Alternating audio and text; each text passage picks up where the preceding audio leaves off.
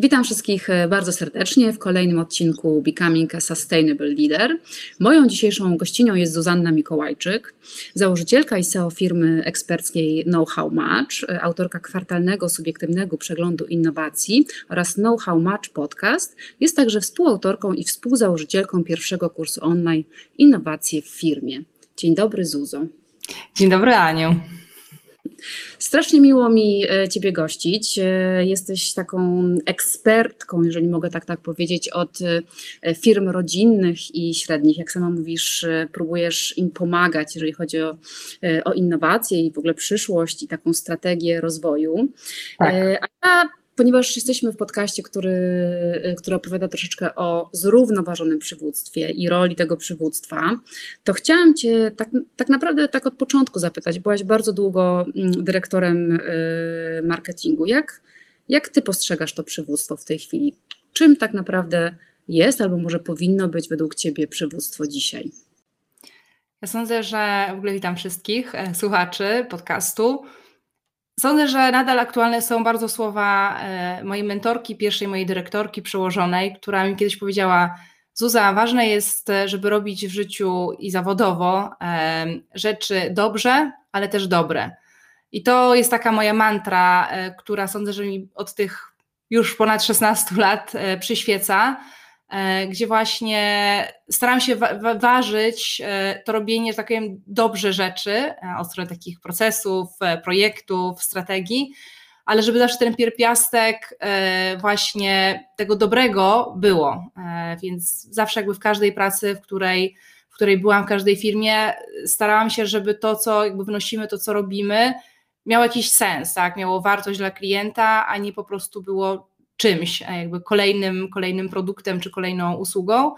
E, bo sądzę, że wtedy też jest największa satysfakcja i też widzę, jak niesamowicie na to reagują po prostu e, pracownicy, ludzie w firmie, e, bo wtedy dużo łatwiej jest pewne rzeczy robić, chętniej to robią, z większym zaangażowaniem, bo, bo widzą, że to jest autentyczne i nie chodzi o to, żeby w cudzysłowie komuś coś wcisnąć, ale żeby komuś naprawdę no, pomóc tak, w, jego, w jego biznesie. A czy widzisz różnicę, bo masz ogromne doświadczenie w takiej firmie rodzinnej, czy, y, czy z Twojej perspektywy jest różnica właśnie w zarządzaniu jednak firmą rodzinną, a e, firmą, która no, z rodziną nie ma nic wspólnego? Nie, na pewno jest, no bo też z jakiegoś względu wybrałam e, to, że, że chciałam wejść do firmy rodzinnej, bo pracowałam wcześniej w innych firmach. No jest inna, jest inna atmosfera, e, jest na pewno też większe może patrzenie na, znaczy może nie patrzenie, ale koncentrowanie się na, na jakby na pracowniku. Tych pracowników czasami jest mniej, więc e, suma summarum trochę musimy być takimi ludźmi orkiestry, co na przykład mi sprawiało ogromną przyjemność, tak, że nie jestem jakby w jednym miejscu i, i robię jakieś tam podobne rzeczy.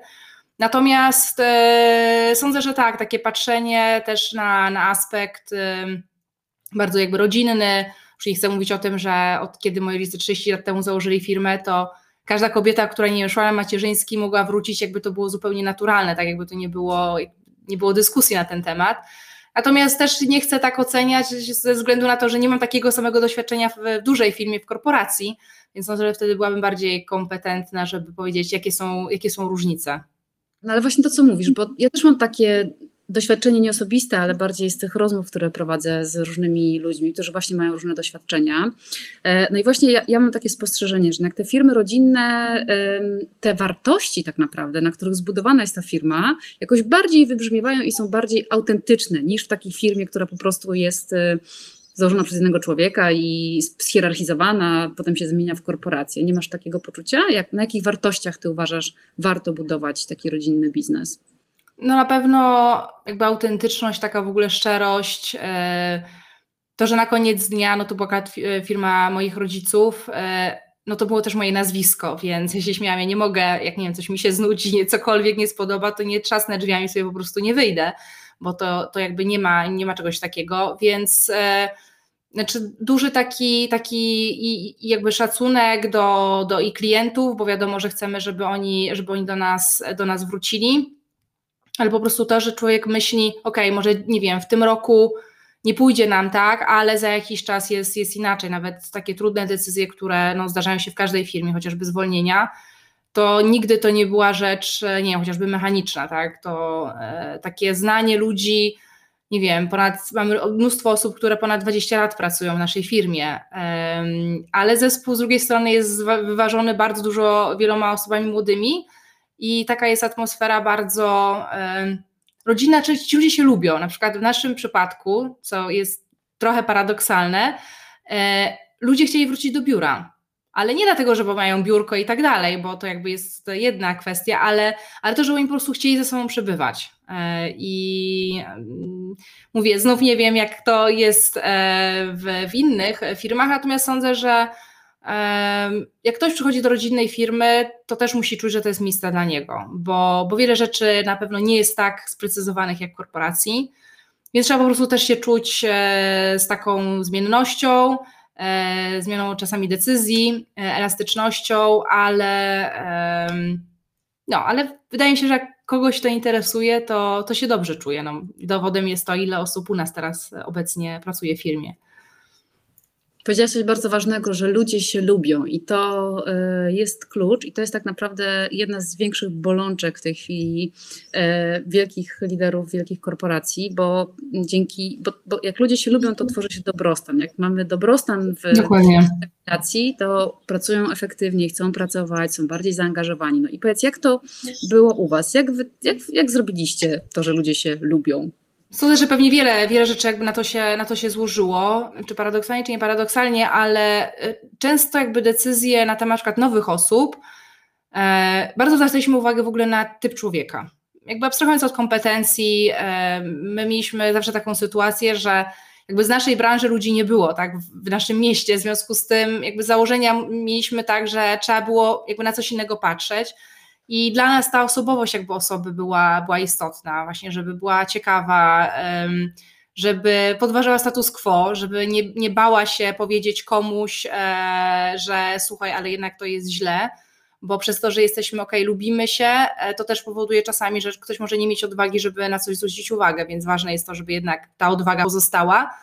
Więc bardzo, e, bardzo jakby patrzymy na, na, jakby na osobowość człowieka, czy, czy ona pasuje, bo nauczyć się człowiek może bardzo wielu rzeczy, no ale osobowości no, nie jesteśmy w stanie e, my jakby zmodyfikować, tak, więc e, tak jak teraz rozmawiałam z osobami w firmie, które no, już są x lat w firmie, jak przychodzą nowe osoby, to mówią, że fajne jest to, że chociaż jest różnica wieku, to jakby podejście takie jest, jest podobne I, i sądzę, że to też ułatwia taką wymianę i, i doświadczenia między tymi ludźmi, mają poczucie humoru. U nas chyba osób takich, powiedziałabym, smutnych, to, to nie ma. Mhm. No i co dalej? Jak już robicie tą taką rekrutację, tak jak mówisz, która jest oparta właśnie bardziej nawet na, os na osobowości, no bo kompetencje, tak jak mówisz, zawsze można je zdobyć, prawda? Albo się douczyć, albo e, dzięki praktykowaniu ich jakby je osiągnąć. To, to jak zarządzacie tymi zespołami? Czy to, ym, bo to też jest taka, pytam Cię dlatego, że mhm zawsze taki wielki temat, jak zarządzić tym zespołem, żeby on właśnie był zaangażowany, zmotywowany. Tak jak mówisz, macie sporo młodych ludzi. Oni jakby, no z nimi jest różnie z tym zaangażowaniem tak naprawdę. To czy wy macie jakieś takie swoje sposoby, czy to, nie wiem, się dzieje tak organicznie, poza waszą świadomością? Sądzę, że dwie rzeczy jakby się składają. Z jednej strony to, że... Yy firma nie jest, e, jakby ma taką wielkość, że każda nowa osoba ma naprawdę dosyć duży wpływ na to, jak pewne rzeczy idą do przodu. Więc ludzie jakby wiedzą, że jeśli nie wiem, danej osoby nie wprowadzą, nie, nie zrozumieją i tak dalej, no to, to jakby nie, nie, nie osiągnie sukcesu, tak? Znaczy, no nie da się wejść do takiej organizacji jak nasza, która ok, ma 350 osób, no ale to też jest część produkcyjna e, i żeby ona po prostu sama coś zrobiła, tak? To, to jest e, to jest współzależność i o właśnie, jakbym miała powiedzieć taką rzecz, to sądzę, że ludzie u nas w firmie rozumieją, że są od siebie współzależni, to znaczy nie jest tak, że będzie jedna gwiazda, która będzie, nie wiem, super sprzedawać przed klientem albo będzie super project manager, bo jest tyle rzeczy, które trzeba skoordynować, zobaczyć i tak dalej. I sądzę, że, że ludzie mają to poczucie takiej właśnie współzależności, ale w dobrym znaczeniu, że jakby ja wnoszę, ale, ale też są inni e, i co zrobić, żebyśmy jakby, jak, jak wszyscy, że tak powiem, żebyśmy funkcjonowali dobrze, a nie tylko, że jedna osoba w firmie będzie się czuła dobrze, a, a reszta, reszta nie, bo na koniec dnia no, klient też musi być zadowolony z tego, co, co robimy i jak to robimy. E, więc sądzę, że, że to. A druga kwestia to jakby jak zmieniła się też nasza firma przez ostatnie lata. Mm, kiedy byłam dyrektorem marketingu, tak naprawdę wprowadziłam markę e, zupełnie nową do naszej oferty, nowe, nowe produkty, które w przeciągu 3-4 lat stało się do produktem globalnym, tak więc z firmy polskiej, powiedzmy trochę europejskiej, staliśmy się jakby zupełnie, wyszliśmy na zupełnie inny poziom, gdzie naszymi klientami, nie wiem, był LinkedIn, Porsche, jest Tesla czy NASA, i to powoduje, że po prostu ludzie chcą do nas przychodzić. E, I, jest takie poczucie, że właśnie to, co robią, ma sens, e, bo widzą, jakie efekty może to, może to przynieść. Więc to nie jest też taka praca, że okej, okay, dobra, zrobię to jakby nie ma znaczenia, tylko naprawdę oni są autentycznie, autentycznie wkręceni w to. Odnieśliście ogromny sukces, ale wiesz, ja myślę, że to nie to nie jest jedyna rzecz, która przyciąga do Was ludzi, dlatego że jak się patrzy na wszystkie badania, tak naprawdę, to ludzie bardzo patrzą na to, e, czy kultura organizacji będzie im pasować. Mhm. Jak opowiedzieć, e, czy Wy tak świadomie budą, bo czasami w tych, w tych firmach rodzinnych po prostu ta kultura organizacji trochę wypływa z tej rodziny i z tego szefostwa i w jakiś tam taki organiczny sposób rezonuje. To czy Wy Was było tak, czy jednak strategicznie do tego podeszliście? Jednak jakby określiście wartości, e, misje i tak nazwaliście to, mm, że tak powiem, korporacyjnie. Nie, sądzę, że jeśli mam być szczera, a raczej jestem, e, to, to nie, to u nas bardziej przez nawyki, po prostu tak się wchodzi, to się to, się to czuje. E, czasami, ja pamiętam jak w procesach rekrutacji, które jeszcze były na miejscu realizowane, to e, osoby, które przychodziły, mówiły, że to, co zwróciło na nich uwagę, to jak siedzieli przed recepcją, e, powiedzmy w poczekalni, to nikt nie przechodził obojętny. Jakby od razu było pytanie, czy mogę w czymś pomóc, a do, do nie wiem, do kogo pani, e, pan jest. I to jest po prostu takie, takie naturalne, tak, że, że jakby nie trzeba pewnych rzeczy tłumaczyć.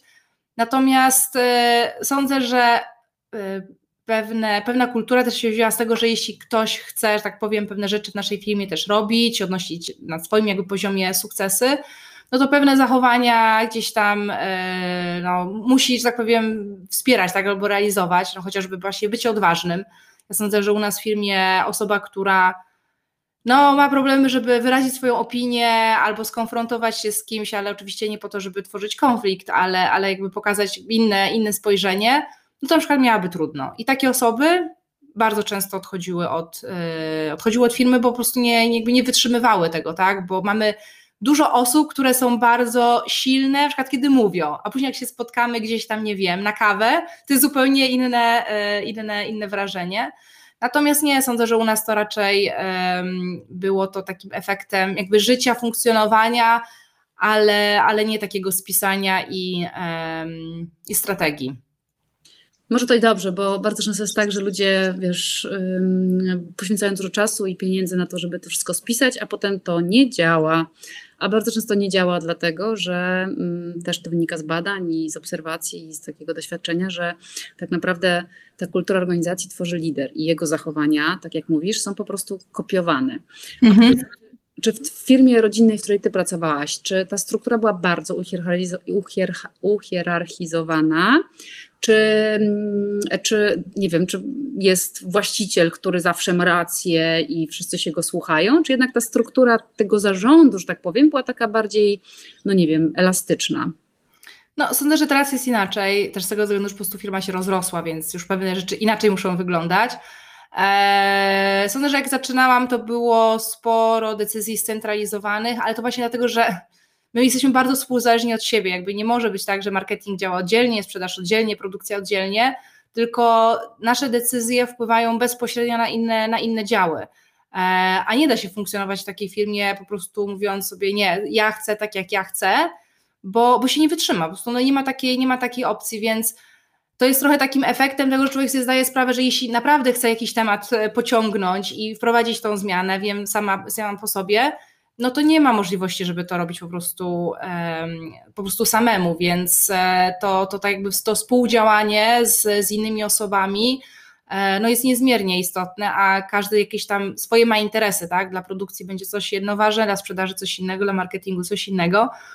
Natomiast, e, no tak, to, to współdziałanie sądzę, że jest, no, że jest bardzo ważne. Mówisz, że ty sama wprowadziłaś ogromną innowację i zmiany i jak, jak bo ludzie nie lubią zmian i tak naprawdę wydaje mi się, że w ogóle jakby to jest mhm. naturze a w organizacjach to już w ogóle. Przecież jest dobrze jak jest, to po co to zmieniać? Powiedz, jak, bo ty wprowadziłaś ogromną zmianę. Jak przekonałaś do tego ludzi? Jak zrobiłaś, jak przeprowadziłaś ich przez tą zmianę tak, że oni rzeczywiście poszli za tobą i czuli się z tym komfortowo? No, czy czuję się z tym komfortowo, to tu bym dyskutowała. Natomiast e, jak ja to mówię, firmy rodzinne mają dosyć krótką datę ważności.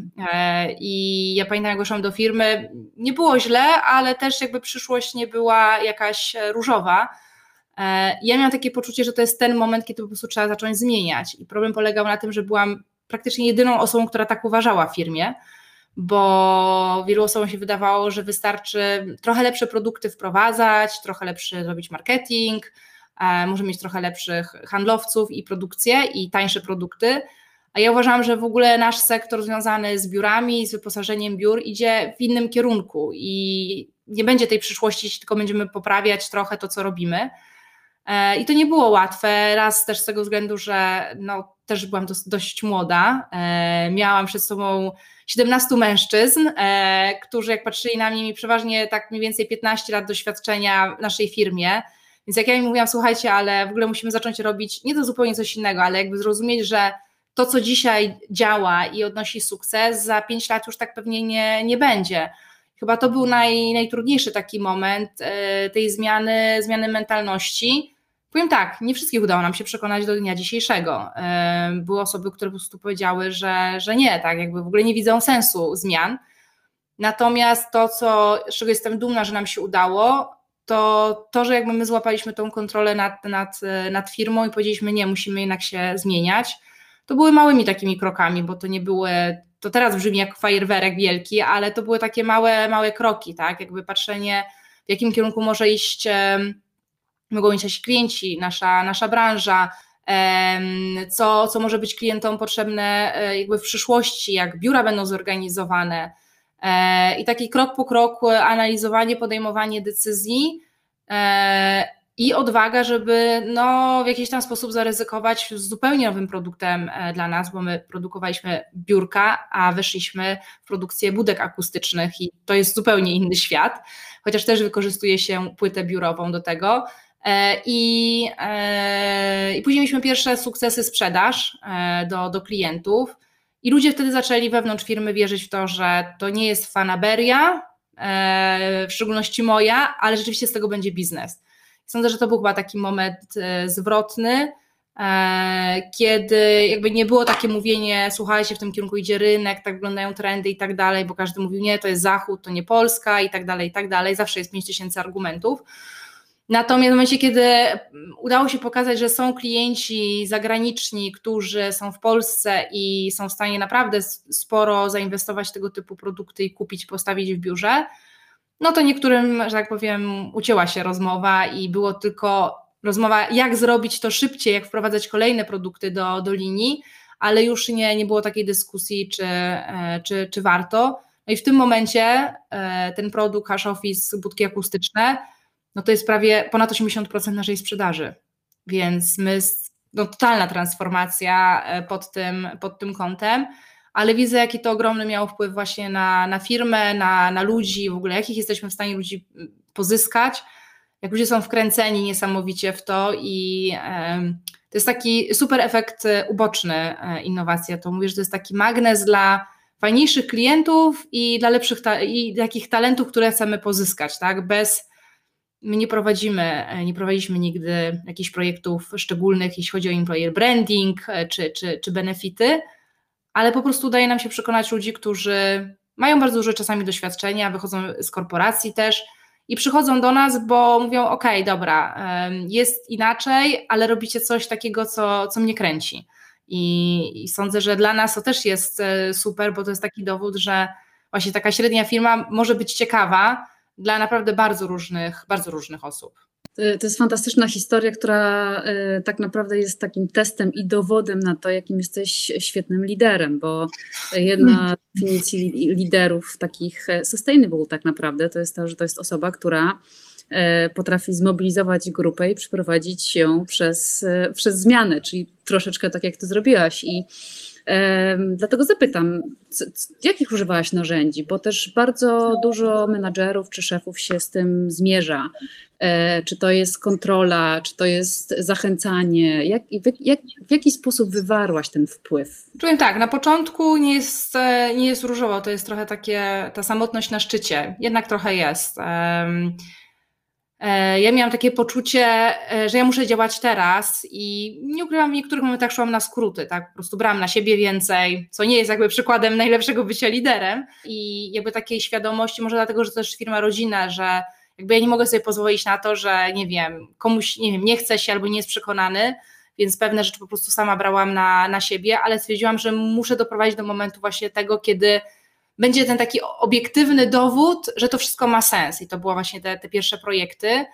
I wtedy już poszło z górki. Znaczy z górki pod tym kątem już jakby nie było przekonywania. Do tego momentu powiem szczerze, że wykonywaliśmy mnóstwo działań, bo, bo robiliśmy e, sami różne projekty w ogóle badawcze wśród, e, wśród pracowników i, i pracowników naszych klientów, żeby jakby pokazać na dowodach z Polski, że jednak zmienia się ten sposób pracy, że są inne oczekiwania. Byliśmy członkiem organizacji, e, która zrzesza wszystkie firmy e, outsourcingowe. Też po to, żeby na przykład nasi partnerzy przychodzili i patrzyli, jak ci ludzie rozmawiają z nami, czym się interesują, że oni zupełnie inaczej myślą o tym, czego od nas chcą, tak? Nie, że ktoś przychodzi i kupuje biurka, tylko on potrzebuje biuro, które się dostosowuje do jego, do jego organizacji. Natomiast, e, no i zawsze się da. I to chyba też trzeba sobie powiedzieć wprost, że znaczy nie ma też chyba co się tak frustrować, że nie da się każdego przekonać. E, sądzę, że ważne jest mieć tą taką chociaż małą grupę ludzi, która jest wokół, nie to, która oczywiście klaszcze mówi jesteś super, ale ta, która jak, jak się czuje, że, tak powiem, ten grunt e, spod nóg, że tak powiem, zaczyna uciekać, to jest taka grupa, mówi, słuchaj, to jest tylko taki moment, tak, zobaczysz, e, jest to, jest kolejne wydarzenie, czy kolejna rzecz, którą robimy i człowiek dalej ma siłę idzie, idzie do przodu, więc e, chyba jedyną e, taką mojego doświadczenia jakby technikę to raz, że właśnie jakby posiadanie takiej małej grupy chociaż osób, które, którymi się jakby więcej też pracuje, dużo tak dzieli się tą wiedzą. Ja bardzo dużo poświęcałam czasu na to, żeby ludziom opowiadać, tak, co widziałam, co słyszałam, jakie raporty czytałam. E, na przykład w moim zespole było tak, że co miesiąc spotykaliśmy się i każdy e, opowiadał o jakimś raporcie, który przy, jakby przeczytał, ale nie związany stricte z naszą branżą, więc chodziło o to, żeby właśnie otwierać ludzi na coś zupełnie, zupełnie nowego. Jakby dyskutowaliśmy, ok, czy to ma wpływ, nie ma wpływu, a co, co mogłoby mieć na to wpływ, jakby to się wszystko zmieniło. Też taka ciekawa technika jest, się nazywa e, odwrócone scenariusze, gdzie mówimy, że to, co dzisiaj jest prawdą, na przykład to, że nie wiem, w naszym przypadku ludzie pracują przy biurku, powiemy sobie, nie, za 10 lat ludzie nie będą pracować przy biurku. E, I dajemy takie zadanie pracownikom, mówimy, słuchajcie, znajdźcie dowody na to, że przy tym biurku ludzie nie będą pracować. I to u nas trochę tak się wydarzyło, bo Byliśmy chociażby w Holandii w firmie Vodafone, to był 2012 rok, więc powiem 10 lat temu, gdzie weszliśmy do biura, oni, każdy pracował jak chciał, nie miał swojego biurka, ludzie nie musieli w ogóle pracować w biurze. E, I pamiętam, że jak wyszliśmy stamtąd, to tak powiedzieliśmy do siebie z moim tatą, mówimy, kurczę, co my będziemy robić, tak? Znaczy mój tata mówi w ogóle, nie no, zwijamy biznes. Ja mówię, nie, nie, spokojnie, trzeba się jakby przygotować ale, ale takie doświadczenia, takie zderzenia, powiedziałabym, ze ścianą, czasami po prostu pomagają, takie może czasami traumatyczne przeżycia, bo, bo, bo człowiek ma wrażenie, że w ogóle jakby stracił kontrolę nad tym, co, w którym kierunku ma iść firma, e, ale takie odwrócenie tego, co dla nas dzisiaj jest oczywiste, na, na, na właśnie e, na, na tą przyszłość i pokazanie, że może być zupełnie odwrotnie, to jest sądzę, że taki dobry pierwszy krok, żeby komuś pokazać, słuchaj, ale nie musi być tak, jak jest dzisiaj, bo te zmiany trudne są dlatego, że ludzie nie rozumieją, po co to jest. Tak? E, bo to, to jest normalne. No, tak jakbyś nam ktoś kazał, nie wiem, wyjdź z domu, e, zrób trzy przysiady i wróć. No, nie wiem, czy ktoś by wyszedł po prostu, bo tak ktoś mu mówi, tylko ale nie, ale po co i w ogóle. Można powiedzieć, no tak, ktoś, jestem oporna na zmiany, ale z drugiej strony, jeśli ktoś nie wie, po co to jest, to jest to, dlatego ja na przykład bardzo dużo wkładałam pracy. Czasami moi rodzice mówili, że, że za dużo, właśnie na tą część edukacyjną, bo ja miałam taką wiarę, że to, że ludzie będą więcej czytać, odkrywać i patrzeć szerzej, to jakby zrozumieją, że to jest oczywiste, o czym, o czym ja mówię, bo wiadomo, że czasami jako liderzy robimy takie skróty, bo coś przeczytaliśmy, coś zobaczyliśmy, czasami jesteśmy ludźmi, którzy 24 godziny na dobę jakby obserwują świat, tak? Ja nie mówię, że pracują, ale obserwują i łączymy wątki tak szybko, że jak wracamy, nie wiem, po dwóch dniach do biura, to my jesteśmy już gdzieś indziej, nasi pracownicy są tam, gdzie byli dwa dni temu. E, I, I, ważne jest, e, żeby jakby pokazać im tą drogę naszej dedukcji, jakby skąd wystartowaliśmy, co zobaczyliśmy i co nas doprowadziło do tego, do tego wniosku. E, I sądzę, że to jest coś takiego, co, co warto robić i poświęcać na to czas, co wiem, że zajmuje trochę czasu, ale warto. Na pewno to budowanie tego zaangażowania i motywowanie ludzi polega na tym, że oni rozumieją, prawda, i widzą sens, że ten sens gdzieś tam ich osobisty pokrywa się z sensem organizacji. To też wiele, wiele naukowców mówi, że to też jest bardzo ważny taki czynnik mm -hmm. takiego efektywności w pracy po prostu. A powiedz, ty jako ten lider, który przeprowadził e, tych ludzi przez zmianę, jakie uważasz, twoje cechy były ważne w tym, żeby to w ogóle się wydarzyło? Na pewno odwaga, bym powiedziała. To pierwsza rzecz, która mi przychodzi do, y, do, do głowy. Mm, taka odwaga, że jakby odwaga do wyróżnienia się, znaczy wyróżnienia albo odróżnienia się, bo oczywiście bardzo łatwo jest jakby funkcjonować w społeczeństwie, jak, jak, być dopasowanym.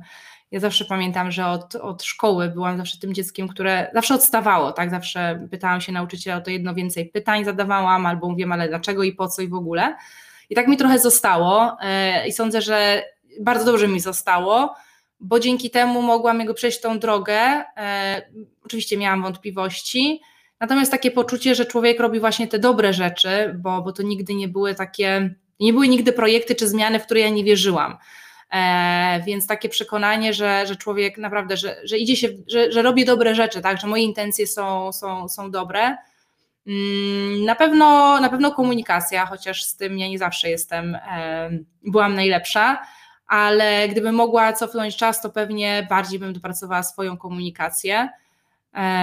Ale sądzę, że taka ta odwaga, taka autentyczność, to, żeby ludzie czuli, że, że to jest prawdziwe, że to nie jest po prostu tak, bo, bo nie wiem, bo ktoś się uparł albo, albo coś innego. Więc powiedziałam, taka odwaga, właśnie transparentność, autentyczność nie wiem, mnie zawsze to w ludziach jakby fascynuje e, i uwielbiam takich ludzi, więc może jestem mało obiektywna, ale ja po prostu takim ludziom zawsze bardziej ufam. E, I nawet jeśli mam wątpliwości, to sobie myślę, kurczę, jakby ileś tam rzeczy ten człowiek zrobił, to znaczy, że no, jest jakaś myśl za tym, albo przynajmniej chce się zaangażować i to zrozumieć, więc sądzę, że ta, ta, ta właśnie taka um, otwartość i, i, ta autentyczność e, no, bardzo pomaga.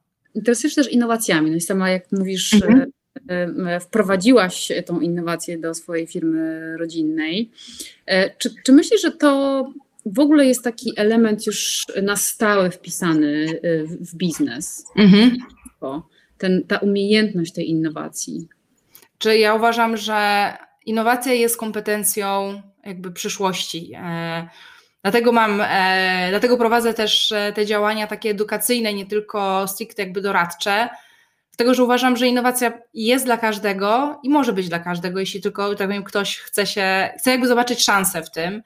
E, uważam, że bez innowacji nie jesteśmy w stanie jakby jako firmy funkcjonować dalej. Ostatnio usłyszałam taki cytat, który mi się spodobał właśnie, że jeśli firma nie, e, nie tworzy czegoś nowego, to staje się historią. I w dzisiejszych czasach to tak jest. Niestety innowacja czasami jest tylko wiązana, e, powiązana z technologią, albo myślimy, że trzeba być jakimś geniuszem, a tak naprawdę innowacja może być naprawdę dla każdego. E, I, i staram się pokazać, właśnie jak to, jak, jak, jak wykorzystać te szanse, które, które no, górnolotnie powiedzieć, ale ta współczesność jakby nam daje, żeby nie patrzeć, że to są zagrożenia, um, tylko, tylko zobaczyć w tym, w tym szansę i, i to po prostu wykorzystać na, na swoją korzyść. I jak się nauczyć tej innowacji? No bo to też wcale nie jest takie oczywiste. Nie. no, proszę oczywiście dołączyć do nas, tak, ale y, sądzę, że po prostu spojrzenie, znaczy zrozumienie przede wszystkim, jak e, problemy takie nasze codzienne biznesowe mogą być powiązane z innowacyjnością albo brakiem innowacyjności, albo pewnych zasad jakby innowacji, zrozumienia. Na przykład mamy, widzimy, że nie wiem, nasi klienci nie są zadowoleni, nie wiem, z obsługi klienta, albo przychodzi sprzedawca i mówi, e, słuchaj, no nie wiem, teraz, nie wiem, rok temu to te produkty łatwo się sprzedawało, dzisiaj jest dużo trudniej. I oczywiście możemy tak, powiedziałabym, standardowo biznesowo powiedzieć, no okej, okay, nie wiem, trzeba poprawić e, obsługę klienta, nie wiem, przeszkolić ludzi, nie wiem, porozmawiać z nimi, co się stało, nie wiem, handlowcowi powiedzieć tak, bo jest większa konkurencyjność i tak dalej, i tak dalej, może trzeba ceny obniżyć, cokolwiek innego, ale może być zupełnie inna przyczyna. Jakby mało osób analizuje, że nie w tym musi być problem, a na przykład może być problem tym, że my przestaliśmy rozumieć w ogóle, do czego nasi klienci potrzebują nasze produkty, tak? do czego oni je wykorzystują. To tak jak w naszym przypadku, że E, my rzeczywiście zaczęliśmy sprzedawać mniej biurek. I to, co mówiło się wewnątrz firmy, to wszyscy mówili, nie, posłuchaj, musimy wprowadzić nowe biurko, e, ładniejsze, tańsze i tak dalej. A ja powiedziałam, ale e, zadanie klientów związanych z biurem się zupełnie zmieniło. Oni nie potrzebują już biurek, oni potrzebują innych produktów, które to ich zadanie typu przygotowania jakby organizacji do tego, co robią, jest im potrzebne. I innowacja to jest taki trochę czasami dla mnie, mówię, też taki krok do tyłu spojrzenie trochę z dystansu na, na pewne rzeczy, a nie tak e, z bliska. I właśnie jakby zrozumienie pewnych takich prostych i narzędzi, mechanizmu i procesu, to, to sądzę, że to, to pomaga, tak? Bo często innowacja to mówimy właśnie albo technologia, albo tylko trendy, e, a to jest mnóstwo może być źródeł, że tak powiem, innowacji. Innowacja może być prosta, może być nawet czasami banalna, E, nie musi być czymś super spektakularnym, tak? bo, bo to nawet nie wiem, jeśli ktoś w marketingu kiedyś tak oferował produkty, a dzisiaj pokazuje je inaczej, to też już jest, jest innowacja, więc to, to też jakby staramy się trochę pokazać to z jednej strony dobrą twarz innowacji i, i też nie taką skomplikowaną, taką właśnie, którą każdy jest w stanie jakby w firmie wprowadzić, no bo to powinno zostać w firmie. Ja uważam, że innowacyjna musi być firma, może pewne rzeczy sobie outsourcować, ale to takie, e, że tak powiem, rdzeń powinien być jednak e, w środku. Innowacyjność chyba też zakłada kreatywność, prawda? I to też jest jedna z takich cech e, leadershipu, o których się bardzo często mówi, że przez to, że żyjemy w czasach takiej permanentnej zmiany i tak jak sama powiedziałaś kiedyś, pewne e, narzędzia czy takie szablony, które używaliśmy do tej pory, po prostu przestają działać, bo jesteśmy w zupełnie nowych okolicznościach. No i wtedy jest niezbędna ta kreatywność, żeby wymyślić właśnie nowe rozwiązania. Tak, no częściowo tak. Ty masz jakieś takie swoje sposoby na taką stymulację tej kreatywności w zespole, czy raczej to jest taki model, że jest wizjoner, on ma swój pomysł i potem tylko jakby y, próbuje zarazić go y, mhm. nim innych? Znaczy, właśnie, to jest kolejna rzecz, że innowacja często jest skojarzona y, bardzo mocno z kreatywnością, a jest mnóstwo naprawdę technik, które i, i jakby podejść, które gdzie nie trzeba być kreatywnym. To znaczy, nie trzeba mieć, e, tak powiem, usiąść sobie i wymyśleć, tylko są pewne techniki, które jakby pomagają, czy nie wiem, startując od swojego produktu, e, można, można tak naprawdę wymyśleć innowacje, nie trzeba tworzyć zupełnie czegoś, e, czegoś nowego. Natomiast dla mnie, żeby ktoś był, nie wiem, kreatywny, miał pomysły, tak, bo, bo kreatywność to, ale nawet miał te pomysły, już powiedzmy w ten sposób, no to musi być ciekawym człowiekiem. Znaczy musi być człowiekiem, który po prostu patrzy, obserwuje. My to tak mówiliśmy w filmie, że u nas nie da się jakby funkcjonować w ten sposób, że nie wiem, 16-17 kończę pracę i przestaję myśleć o firmie. To nie chodzi o to, że pracuję, tak, żeby tu była jasność, ale to, że inspiracja jest wszędzie. Ona nie będzie pewnie przy biurku, tylko ona czasami jest, nie wiem, idziemy do sklepu, ktoś coś powie i, robi, i nam się w głowie się przestawia, jest klik, tak? Albo nie wiem, e, pójdziemy, przechodzimy przez, e, nie wiem, idziemy gdzieś do jakiegoś sklepu, czy gdzieś wyjechaliśmy i czasami to są takie minimalne rzeczy, nie wiem, widzimy jakiś napis na, na sklepie i nam daje to do myślenia, że może jednak trzeba było coś, można inaczej zrobić, pokazać i tak dalej. Więc ja zawsze lubiłam takie podejście, że po prostu słuchajcie, chodźcie, oglądajcie, e, czasami kopiujcie, ale nie kopiujcie do naszej konkurencji, bo to nie o to chodzi, ale takie inspirowanie się, ok, ktoś na przykład tak podchodzi do obsługi klienta, ale jest z totalnie innej branży, nie wiem, typu w restauracji, coś robiło na ciebie, na ciebie wrażenie, my jesteśmy, e, że tak powiem, w branży mebli biurowych.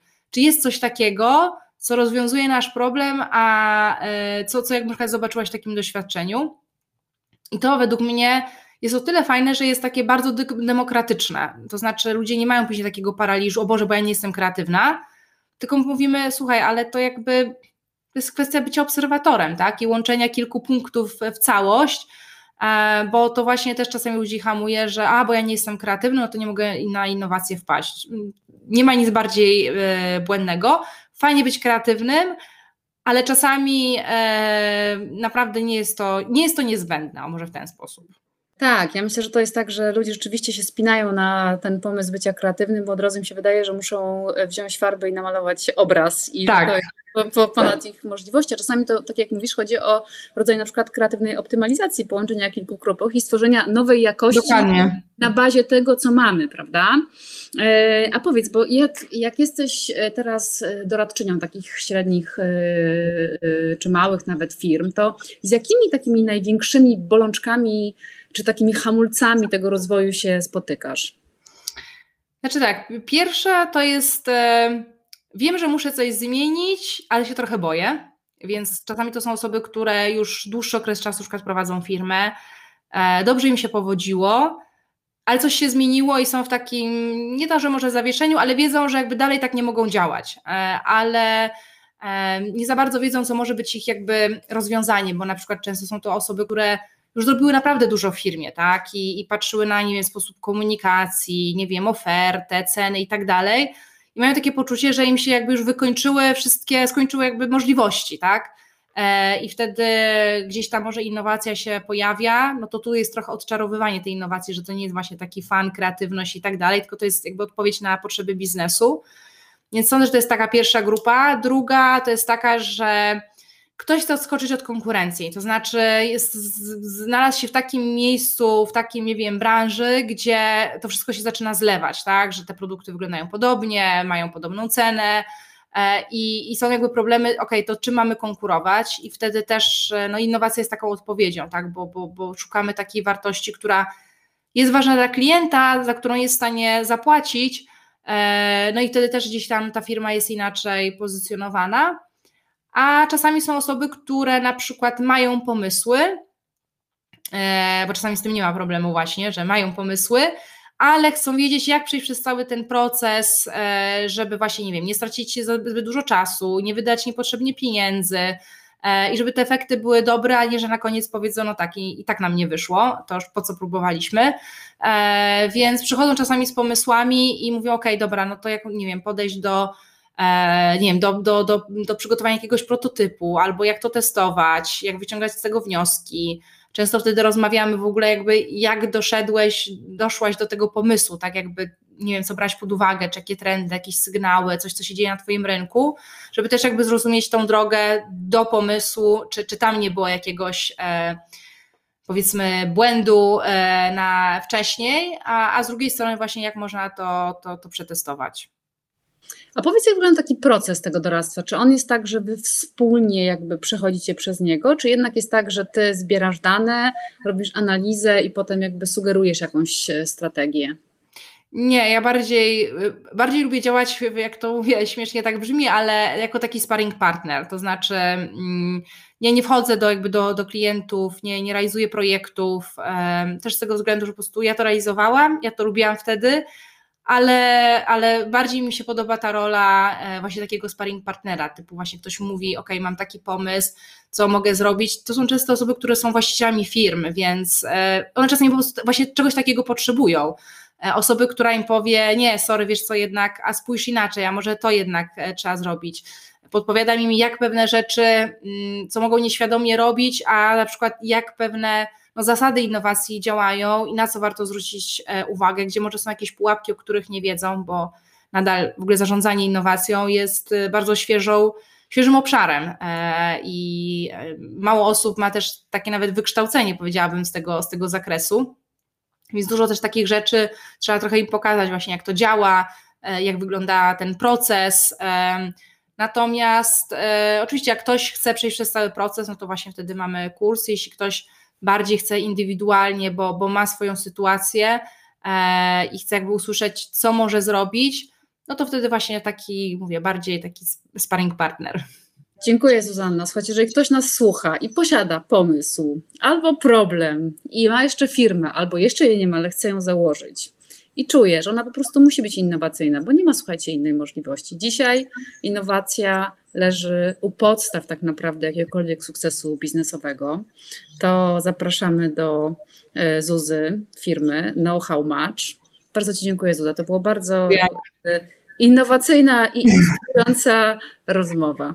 Dziękuję bardzo.